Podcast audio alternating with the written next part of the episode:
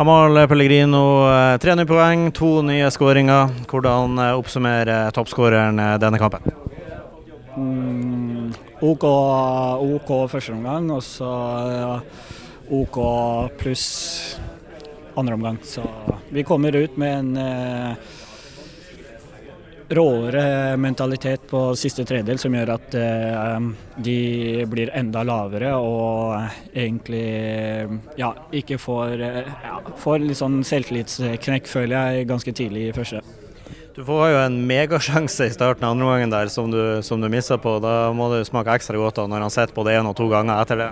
Sånn er det. Man setter jo ikke alle sjanser i livet. og Ballen kommer brått på, kommer litt høyt, så jeg får ikke stokka beina sånn som jeg vil. og og, men det viktigste for meg, jeg vet er at jeg må være der hvor ballen havner. Og jeg føler jeg er der fire ganger i dag, og med litt tur så kan jeg stå igjen med et hat trick.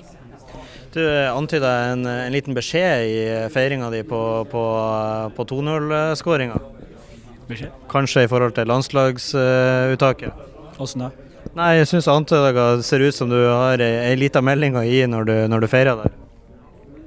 Da tror jeg du tolka det helt feil. Jeg feira målet mitt sånn som eh, alle som skårer mål eh, feirer, så det var ikke noe annet bak det. Men uh, syns du at du burde ha reist på landslagsopphold nå, da? Eh, til Norge, da, vel å merke. Med det.